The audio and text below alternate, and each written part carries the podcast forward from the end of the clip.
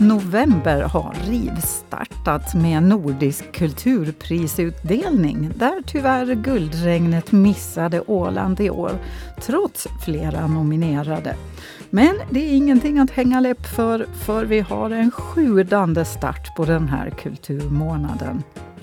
Fotografen Marcus Boman släppte sin nya fotobok I am på Bokmässan i Helsingfors förra helgen. Den här veckan har han också haft boksläpp på hemmaplan och idag sätter vi oss ner och bläddrar i boken Han och jag. Det och massor mer hör ni i ett fullsmäckat kulturmagasin idag. Välkomna att lyssna, säger jag som heter Tua Åström. Varje år delar Nordiska rådet ut fem priser för att uppmärksamma nordisk litteratur, språk, musik och film samt nytänkande inom miljöområdet. Utbildnings och kulturministern Annika Hambrud var på plats vid den högtidliga prisutdelningen i Köpenhamn i tisdags. Inte riktigt röd matta, men i stort sett skulle jag nog säga att det var eh, sån, sån tillställning och uh, våra åländska deltagare eller nominerade Peter Hägerstrand och Sebastian Johansson och Karin Erlandsson fanns också här på plats. Det blev, det blev inga, inga åländska priser dock? Nej, det blev inga åländska priser men eh, jag tycker att eh, det är ett pris i sig att bli nominerade i de här sammanhangen så jag är glad och stolt över att de blev nominerade och eh, det var väldigt, eh, eh alla hade otroligt hög kvalitet måste jag säga i år. Så de som, som vann var värda vinnare måste man säga. Men naturligtvis hade det varit otroligt glädjande om, om eh, något pris hade gått till Åland. Annika Hambrud intervjuades av Peter Grönholm. Danmark tog hem filmpriset för filmen Flukt Litteraturpriset gick för första gången till Grönland och musikpriset till färiska Eivor Palsdottir som man för några år sedan kunde se och höra på Alandikas scen. I nordiska sammanhang passar det ju bra nu med en liten presentation av nye NIPO-direktören, grönlänningen Kim Larsen, som vid årsskiftet tar sitt pick och pack och flyttar till Åland. God morgon ringde upp. Jag heter Kim. Jag är eh, PT ansatt som eh, tv-programchef och produktionschef i Grönlands Radio, eh, KNR, Grönlands Radio, och har varit det i fem och en halv år och har haft en fokus på att, att utveckla och, och modernisera eh, produktionsformer och göra nya former för tv-program och underhållningsprogram. Mm. Hur kommer det sig att du sökte dig till Åland då? Varför inte? Åland, hvis, hvis, du, hvis du ser det från, från, från min synsvinkel på Grönland, mm. så är det verkligen, verkligen logiskt på en måte. Vi är ett kustfolk. Jag vuxit upp vid havet, med havet. Har vuxit upp i en fiskarbygd, där havet är något som jag har fått in med modermjölken. Mm. Ålänningar är kustfolk. I bor på sten, vi bor på sten. Øh, øh, noget, som vi har til fælles, det er især havet. Men også, at vi er øh, små samfund og prøver at leve i en, en stor verden. Vi har samme tankesæt och samma folkesjäl som oss. Mm. Men ähm, är det något särskilt som du någon särskild kulturgren eh, eller genre eller så som du vurmar särskilt mycket för som vi kanske får ta del av sen när du är direktören här då? Jag har arbetat med kultur i sammanlagt 37 år nu. Jag är själv utbildad äh, äh, musiktekniker. Jag har arbetat rigtig mycket med, med tv också och sammen med journalister. Och selvfølgelig har jag ett stort hjärta för, for filmen och, og, øh, og medieproduktionen. Men i sammansätt har jag arbetat rigtig, rigtig mycket med alla former for konstarter. Och i det samarbejde er det otroligt fantastiska människor som kan, kan någonting. Så jag vill inte ha fokus på en enkelt. Vi sikrer, att Ålands deltagelse i det nordiske kultursamarbete är gott och starkt. Och det tror jag på att man kan göra på en riktigt god sätt. Det sa nye NIPO-direktören Kim Larsen som vill jobba för ett starkt nordiskt kulturutbyte och som särskilt brinner för film och media och som dessutom har en bakgrund som ljudtekniker. Josefina Jansson intervjuade. Återigen höjs ett varningens finger för att färre och färre barn och unga läser böcker. Och I veckan publicerade den svenska tidningen Läraren ny statistik på detta. Det här pratade barn och ungdomsförfattaren Niklas Krog om med Johan Åberg då han gästade God morgon. Under veckan har Niklas Krog turnerat till de åländska skolorna för att berätta för eleverna om sitt skrivande. Sen om jag har skrivit 55 böcker kanske, så är 30 är fantasy. Sen har jag skrivit historiska romaner, raka motsatsen då, och sen eh, nutidshistoria, basket, ungdomsböcker och Legenden om Tann är väl kanske den mest kända serien jag skrivit. Tio böcker om en fantasydvärg och en som vandrar runt i en, en, någon sorts påhittad värld tillsammans med ett stort träd och en liten skogsflicka. Bara roligt sådär. Mm. Eh, vad tänker du då om de här senaste siffrorna från Sverige där till exempel två av tre pojkar bara läser om de måste? Ja, alltså det är ju jättetråkigt först. Men eh, jag träffar jättemycket skolklasser i Sverige och jag frågar alltid om de läser och det är ju sällan det är mer än tre, fyra stycken i en klass, ibland inga som läser frivilligt. Alla läser när de blir tvingade, nästan alla. Men eh, frivilliga läsandet är nästintill borta alltså. Och vad beror det på? Jag är rätt säker på att det är telefonerna.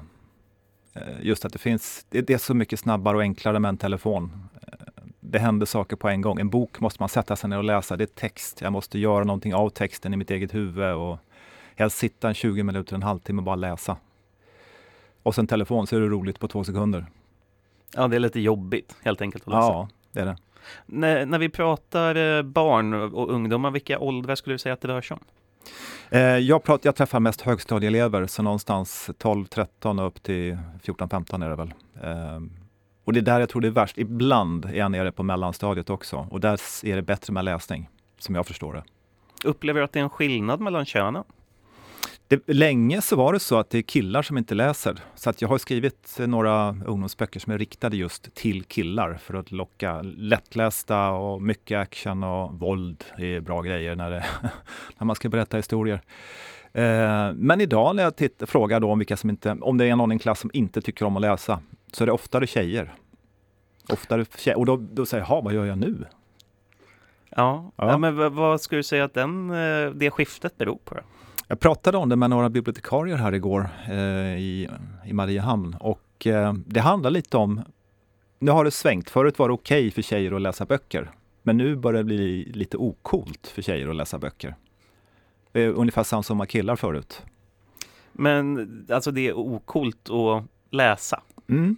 Läsa böcker, det ska man inte göra. Men det... bloggar och så går bra att läsa? Ja, absolut. Det är något helt annat.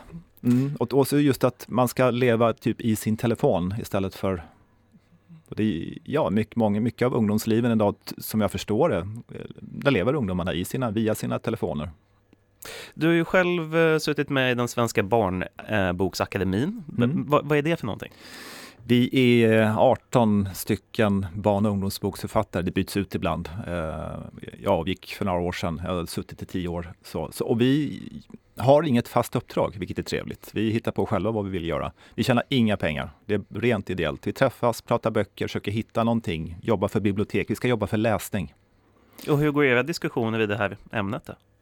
Vi är väl ungefär lika ledsna allihopa. Eh, just att hur ska, ja, hur ska vi komma åt det? Hur ska vi, vad ska vi göra? Vi, måste vi som skriver måste ju försöka anpassa oss och skriva böcker som ungdomarna vill läsa. Vi kan ju inte tvinga dem att läsa saker som inte passar dem. Så vi måste ju hänga med. Man måste ju hänga med i utvecklingen också på något sätt. Och så försöker alla på lite olika sätt.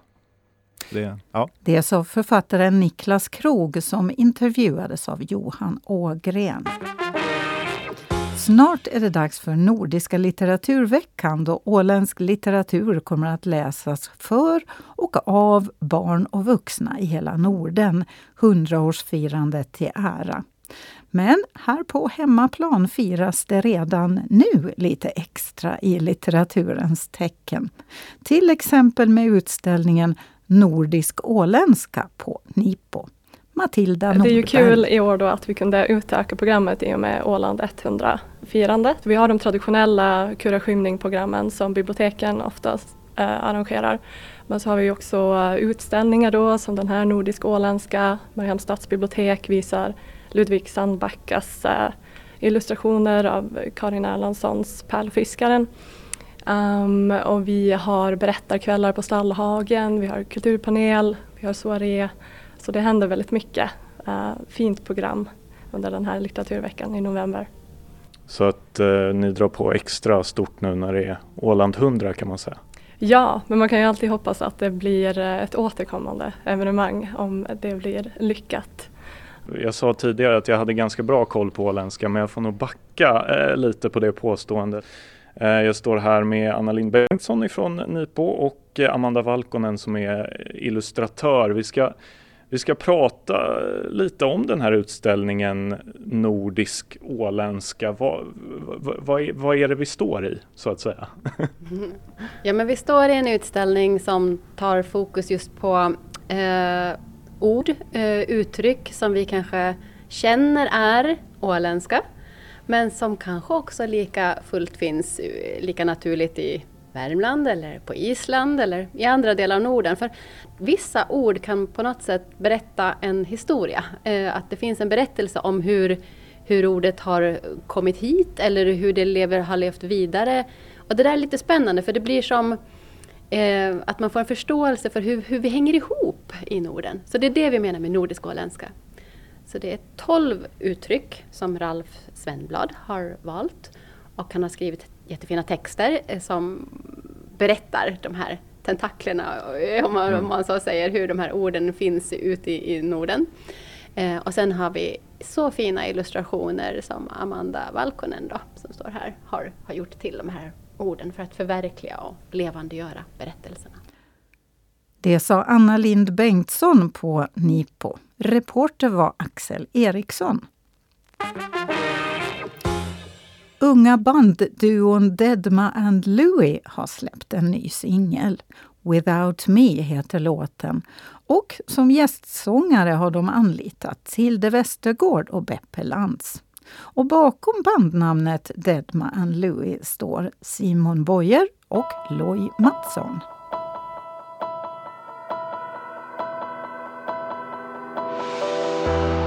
det var ju Folkis vi sågs. Det är folkhögskolan. Och det är ju en ganska liksom, mycket kreativt i den skolan, liksom mycket fritid.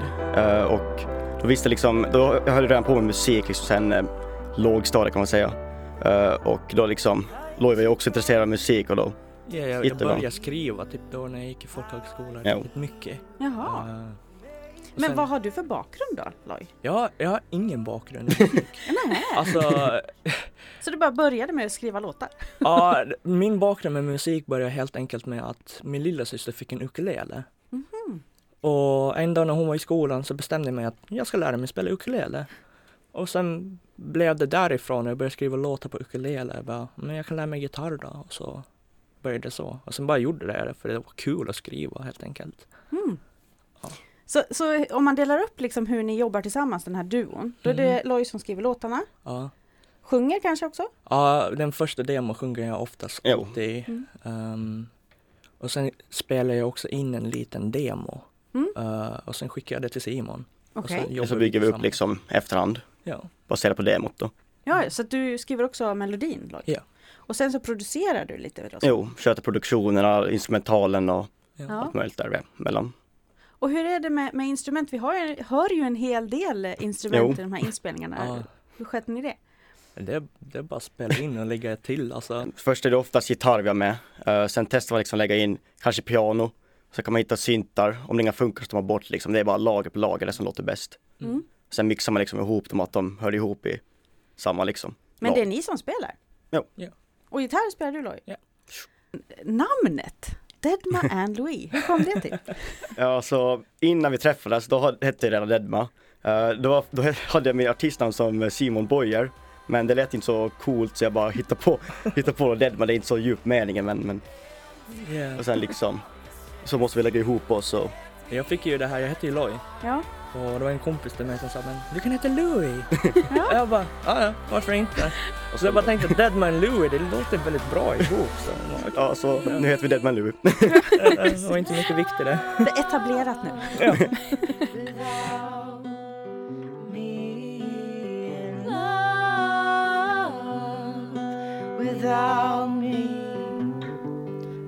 Josefina Jansson intervjuade Simon Boyer och Loy Mattsson i bandet Deadma and Louie. Ny månad betyder ju också nya utställningar och vi ska börja med att ta en titt på en lite speciell sådan på Ålands kulturhistoriska. För där visas nämligen slaget om Bomarsund i litografier. Så nära fotografier man kunde komma 1854. I somras beslöt Ålandsbanken att donera sin samling av litografier som beskriver slaget om Bomarsund till Ålands museum. Litografierna är mycket detaljerade och var en del av dåtidens nyhetsrapportering från fronten. Samlingen är verkligen en unik samtidsdokumentation av händelserna i Bomarsund 1854, förklarar intendent Kia Haldin. Den är ju uh, väldigt betydelsefull uh, och just det här att, att de här motiven som beskriver händelserna 1854 på Åland, då, att de finns Eh, liksom att man också samlar det, så man får verkligen, då får man ju berättelsen beskriven i bild, men det är ju eh, ögonvittnesskildringar som är, är, är, grund, i de allra flesta fall, Mm. grunden för motiven. När man får dem ju samlade så här så får man ju en väldigt visuell bild över det som sker i Bomarsund 1854, så på det sättet är den väldigt betydelsefull. Ja, väldigt detaljrik. Vi har några förstoringar här på vissa där man, besökaren verkligen har, har möjlighet att se hur otroligt detaljerade de är för det kan vara nästan svårt att se med blotta öga på, på originalen. Vi ska vända oss till Graham Robbins eh, som ju också kommer att ha guidade eh, turer här. Kanske någonting som man behöver eftersom det ju finns väldigt mycket detaljer som man kanske till och med måste fråga dig om. Det finns väldigt mycket att, att visa och berätta om. Och det var allmänheten som köpte de här litografierna. De berättar om spännande händelser långt borta hemifrån och de var oerhört populära. Som Kia säger, de var, de var ögonvittnesskildringar för att de flesta konstnärerna var på plats och gjorde um, skisser och, och, och allt på plats och sen i London eller Paris satt litografen och gjorde om dem till litografier. Mm, jag förstår. Vad ska du berätta för besökaren om just den här eh, litografin som ni har valt att göra en eh, enorm förstoring av? Det finns ett väldigt djup i, i bilden. I förgrunden har man franska batteriet som byggdes vid uh, sjukhusgrunden, det vill säga ungefär där landsvägen går genom Bomarsund idag. I förgrunden har man en myller av soldater, det finns vissa som sitter här och med fältkök, Mm. uh, en röker pipa, de, de äter. Och det finns musiker som är där, det finns trummor och andra instrument. Sen vissa jobbar med att fylla sandsäckar. Den här konst, konstnären som heter Lord Laplace var fransk militär. Det, det är nästan symboliskt att flottan ritas långt, långt, långt ut i periferin uh, och det är armén som får verkligen stå i mitten. Det sa Graham Robbins som kommer att göra guidade visningar i utställningen. Kjell Brännström intervjuade. Både lekfull och tankeväckande. Så kanske man kan sammanfatta det som just nu kan ses på Galleriet på Torggatan där Ann-Britt Eriksson har hängt inte bara en utan faktiskt två olika utställningar. Mm. Hemliga arkipelagen så är en utkant av fantasin. Alla så kan vi komma dit om vi dagdrömmer, läser, lyssnar på musik, ser på bilder. Alla kommer vi till, till en hemlig plats som vi släpper in oss. Och där så kan man botanisera och göra vad man vill, precis vad man vill. Mm. Det, det gäller för alla människor. På Hemliga arkipelagen så finns det en konstig figur. Han, är, han eller hon, eller den är klädd i, i svart och har ett vitt ansikte. Folk brukar fråga om det är döden. Ja. Nej, det är, in, det är inte döden. Det är inte heller mitt alter ego, utan kanske någon kusin till det. Han är en avsigkommen figur som bor där och matar svanar och hans stora intresse är svanar. Jag, jag ser nästan det. Mm. Förekommer på, på många, ja på alla nästan. Det är svanar på alla bilder. Ja. Ja. Vad, vad betyder svanar för dig då? Eh, För mig betyder svanar att de är vackra. Mm. För figuren där så är det hans verkliga, verkligt stora intresse. Hans hobby är svanar. Mm.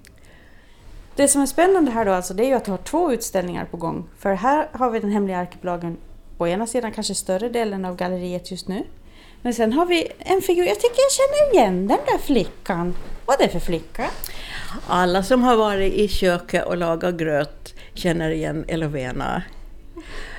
Och här har jag nu, det här är collage, akvarell med collage. Jag har klippt ut Elovena-flickan och fogat in henne i olika miljöer. Av någon konstig anledning så passar hon överallt. Dessutom vill jag påpeka, har jag lov att använda, jag tog kontakt med Elovena firman om man säger som så skickade ett mejl och jag fick mejl tillbaka så att jag Mm. får använda henne.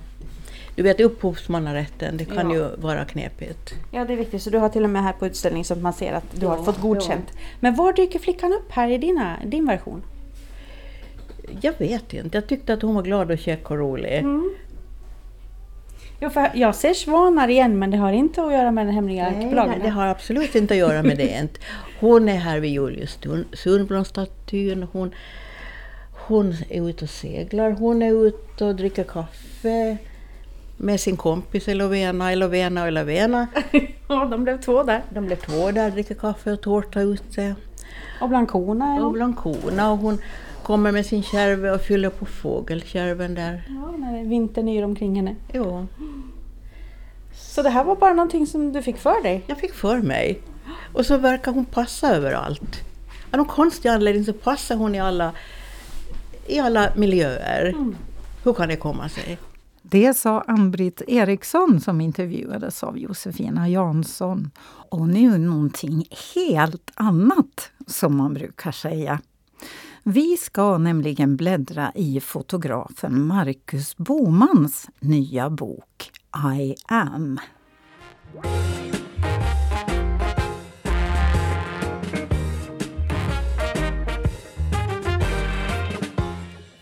Ja, det är en bergvägg med, med lava och den, Mm. den här är tagen faktiskt i månsken. Det är väldigt kallt, kallt ljus på Ja. den. Ja.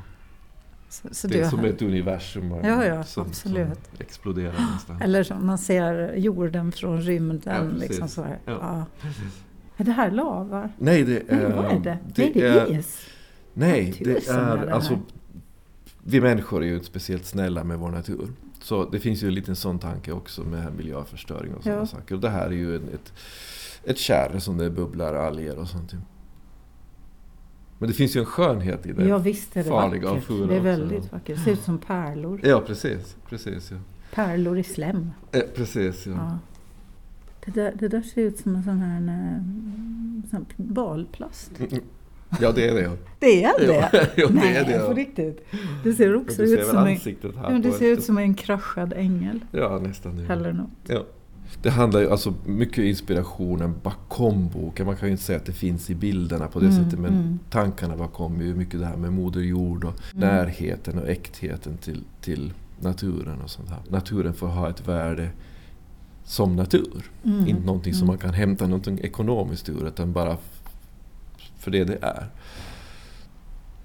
Hur, hur mycket utöver fotograferande innebär det här för dig?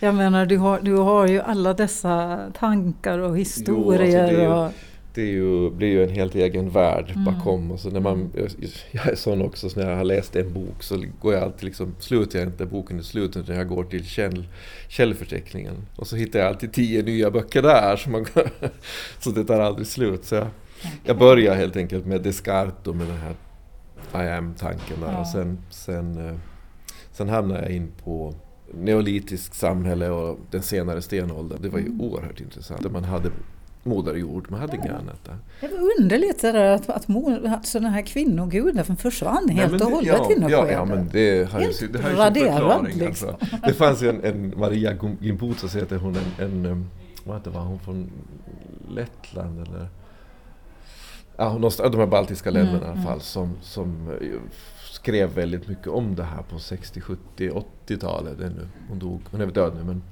men, och då hon kom fram till att alla de här små statyetterna som, som var just så Mm. var Moder Jord-symboler och att kvinnan hade väldigt hög ställning i samhället. Hon fastnade väl lite i sin egen, som ofta blir när man har gjort någonting revolutionerande så blir man lite fast i det och sen hon har ju blivit väldigt mycket kritiserad. Men jag har tänkt så här att det inspirerar mig så otroligt mycket så det spelar egentligen ingen roll om det är sant. Liksom, det här är ingen historiebok, det här är ingen betydelse. Det, det gav en mig en enormt stark upplevelse som liksom utlöstes i, i de här bildmaterialen. Så, så det spelar ingen roll, är det sant eller inte? Men vad, vad de kannibaler eller vad de... Nej, det, den annan har skrivit att det var liksom helvetet på jorden den perioden. Ja. Men, men eh, det, det är egentligen ganska ointressant. Utan man får ta vara på de goda bitarna. Ja. Men, men vad, vad fascinerande. Jag visste det, det är helt fantastiskt. Och sen förstås, nästa steg så kom jag in på Carl Jung förstås. Det här med undermedvetna och hypnagogi och meditation och sådana saker. Så att det, det är oerhört intressant. Men, Oerhört. men, men alltså, borde du inte ha en textbok till den ja, det här? borde bli lika tjock som den här. Ja. ja nej, Där- där egentligen. du ja. liksom, Ja. för, för jag menar, om inte man vet... Alltså alla bilderna är ju förstås öppna för var och en att tolka och tanken. ta till sig. Ja. Men samtidigt är det ju väldigt intressant att höra dina tankar och dina Precis, ja. källor och så Ja. här. Så att, Men, men Ja. jag, har nog, jag skriver det till och med i förordet här att det, det, är liksom, det är mer som en uppmaning till ett, ett, att söka in i sig själv bilderna. Mm. De, de, det ska inte vara så mycket information utan det, det ska liksom tala till en själv, få en att stanna upp och titta och gå tillbaks till dem. Och, så det tar ganska länge att gå igenom dem. De kräver mycket tid och de är ju Mm. väldigt mörka som du ser. Ja. De är också fulla med sådana här stenålderssymboler. Det finns överallt. Men jag Mm. ska inte säga något mer utan man får nej, nej, så först läser, först läser man den så här som att man tittar på bilderna Ja. och sen börjar man Ja. titta i bilderna. Exakt. Ah. exakt. Jo, nej, jag, en som hjälpte mig med boken här och var också stark när vi hade bläddrat igenom nästan hela boken. Men nu förstår Ja. jag. Nu Ah. ser jag historien. Ja, Liksom. ja, Så, ja, ja. så att det, det, det var jätteskönt. Är det första gången du jobbar på det här viset? Ja. Den förra boken var ju porträtt. Det var ju Jag menar en det. Det, var ju väldigt konkret på Ja, det viset. exakt, det var ett exakt. gäng människor. Ja, men jag, jag hade nog, jag funderat på det där liksom att jag hade nog precis samma utgångspunkt i bilderna Mm. då som när jag gjort det här. Mm. Jag sökte liksom samma sak i var och ens ansikte som jag har sökt här i naturen. Men, men alltså fotoböcker, hur, hur stort är det i en bokhandel till exempel? Ja, Eller ska vi bara säga att det här, det här är helt enkelt konst? Jo, det, Det, måste ingen, man. det, är, det är liksom inte en, en bok egentligen, utan det här Nej, är mer en det, det är konst. tänkt som Ja. konst. Det är, jag tittar ju runt på Bokmässan till exempel. Det fanns, jag hittade ett förlag som hade, men det var väldigt få böcker. Så det, det finns mycket fotoböcker men det, man gör ju så här. Det här är en upplaga på 200 så att det är Mm. inte mer. Så att det, det, det, det, det är ju ingen större marknad. Jag hoppas jag slipper gå back på det. så så det, det är liksom...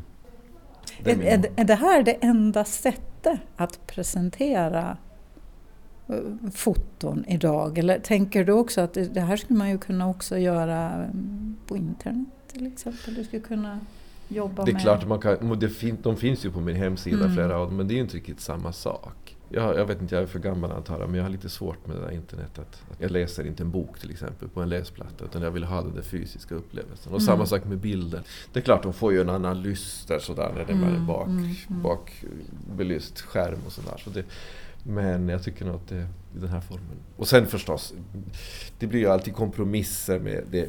De blir ju små. Ändå har jag valt ett ganska stort format här. Mm. Det är en ganska stor bok, med Jo. ganska stor text också där det är Jo. text. Ja. jo, nej jag tänkte att det ska... Det, det, var, det var nog tänkt så. Men jag menar den här är nu åt- 60 gånger 85 bo, liksom båda två. Så Mm. att det blir en helt annan upplevelse av... Det är tavlor. Ja. Fast de är vikta på mitten. Precis, ja. Ja, det här är faktiskt två bilder, men de Ja, passar så bra okej. ihop där. Jo. ja, ja, jo, nej, nej, jag vet. Vi- Det är som en diptyk. Det, Vi Okej. kallar det en diptyk när vi ställde, de var med på utställningen också. Ja, så ja, ja, ja. Okej. Mm. Då måste jag ju nu fråga, har du redan en ny plan? Det brukar alla kulturarbetare ha. Då de väl har fött sitt barn så då har de redan en bulle i ugnen. Eh, så jo, det gäller väl dig? ja. Så är det ju. Ja. Jo. Så vad har du för bulle i ugnen? Ja, nej, det är nog hemligt. Nej. Vi ska se, det, det är något helt annorlunda än det här. Så mycket kan jag säga. Aha. Men hinta lite. Jag, alltså jag har inte bestämt mig om det blir... Jag har, jo, men jag har flera projekt. Ett som Mm. kanske har lite likhet med det här. Ett samarbetsprojekt med en fa- författare. Mhm. Som eh, vi ska göra historier som...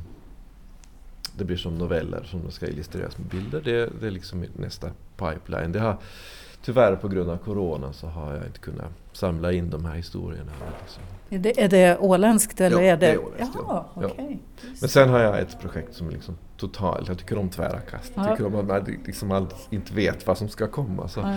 så jag har ett annat projekt också som är väldigt sån här extrem, ska man säga, hardcore produktfotografi. Jaha. Ja, jag tycker om att göra sånt. Så jag har en sån där ordentlig sida där liksom ska, allt ska vara på. Ja, precis. Ja. Så, ja. så, så, ja, men det kan vara ganska spännande. Ja. Ja. Vad kul! Vad roligt att man har så många rum i sig och, och så många sådana här sätt att, att, att Jo, jag, använda jag tycker sitt jobb. roligt. Jag tycker det är roligt att, Ja. att överraska så här. Så att den, Ja. Okej. När får vi se resultatet av det då? Ja, vad tog det här? Tre år sen för? Tre år? Okej. Nej, jag vill inte stressa. Jag vill, jag vill att det ska få växa fram. Och sen, och sen kostar det ganska mycket också. Det är ju Mm. inte gratis att ge ut en sån här bok. Och när man inte har Nej. ett förlag bakom sig så, så får man ju stå för det själv. Och nu fick jag stipendium från eh, Svenska kulturfonden i våras. Och de, de gjorde ju det här möjligt, annars hade det aldrig gått.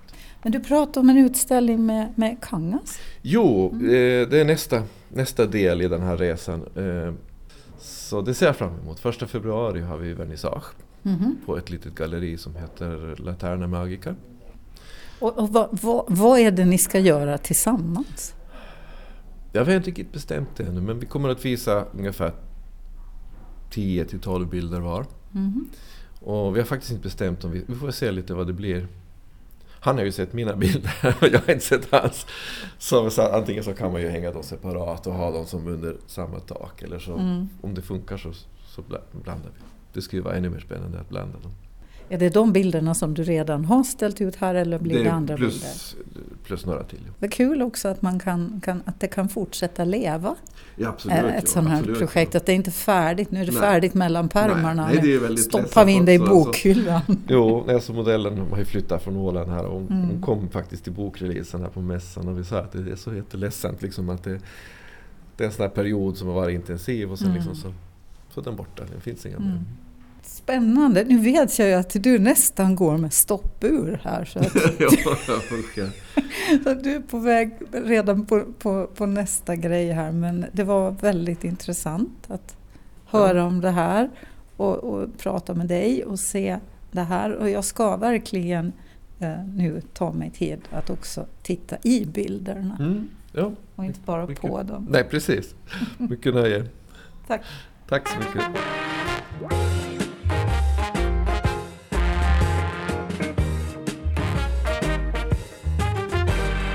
En bok att ta en djupare titt i. I am av Marcus Boman. Nu börjar det finnas ganska mycket man kan göra i kulturell väg i helgerna igen, så vi tar väl en liten titt där också. Förutom de utställningar som nämnts här i dagens program finns det ju flera andra som också hänger kvar ett tag till på andra ställen runt om på Åland. Och så kan man gå på Stadsbiblioteket och ta en titt på Ludvig Sandbackas illustrationer ur Karin och Frans Erlandssons bok Myter och fakta om pärlornas ursprung. På Alandica är det ju stor Svenska dagen-konsert på lördag. Det går också massvis av bra filmer på bio just nu Och på Kulturhistoriska är det på söndag en temaguidning om katolicismen på Åland.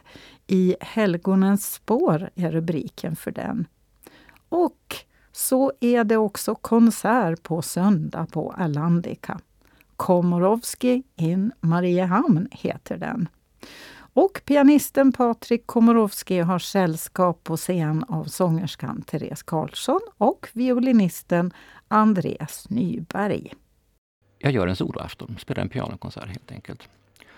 Och eh, den har ju titeln Komorowski in Mariehamn eller eh, om man ska säga det på engelska, Komorowski in Mariehamn. Och eh, det här anspelar egentligen på ett av verken som jag spelar. Det är ett verk av den alldeles nyligen avlidna, tråkigt nog, amerikanske tonsättaren Fredrik Revsky som eh, eh, skrev ett verk som heter Rubinstein in Berlin. Och det här verket är ett verk for speaking pianist, alltså för en talande pianist. Alltså jag kommer spela och sen kommer jag samtidigt recitera en del ur ett kapitel av den här gamla fina eh, polska pianisten Artur Rubinsteins memoarer. Alltså ett stycke ur hans första memoarbok De unga åren som handlar om en tid, en väldigt svår tid i hans liv eh, när han bodde och verkade i Berlin. Um, men varför och, fastnar du för det? Ja, men jag tycker att det här är ett jättespännande verk. Alltså, alltså bara för det första att man liksom leker med genren, liksom att man spelar och talar. Det sa Patrik Komorowski som intervjuades av Johan Ågren. Konserten startar klockan 15 på söndag men redan 14.20 hålls det en introduktion som kan vara väl värd att ta del av. Och ni som kanske inte då är där och lyssnar på den kan lyssna på hela intervjun med Patrik Komorowski på Ålands Radios hemsida under fliken God morgon. Vilken kulturmacka! Jag säger då det. Ha nu en fin helg så hörs vi igen nästa vecka.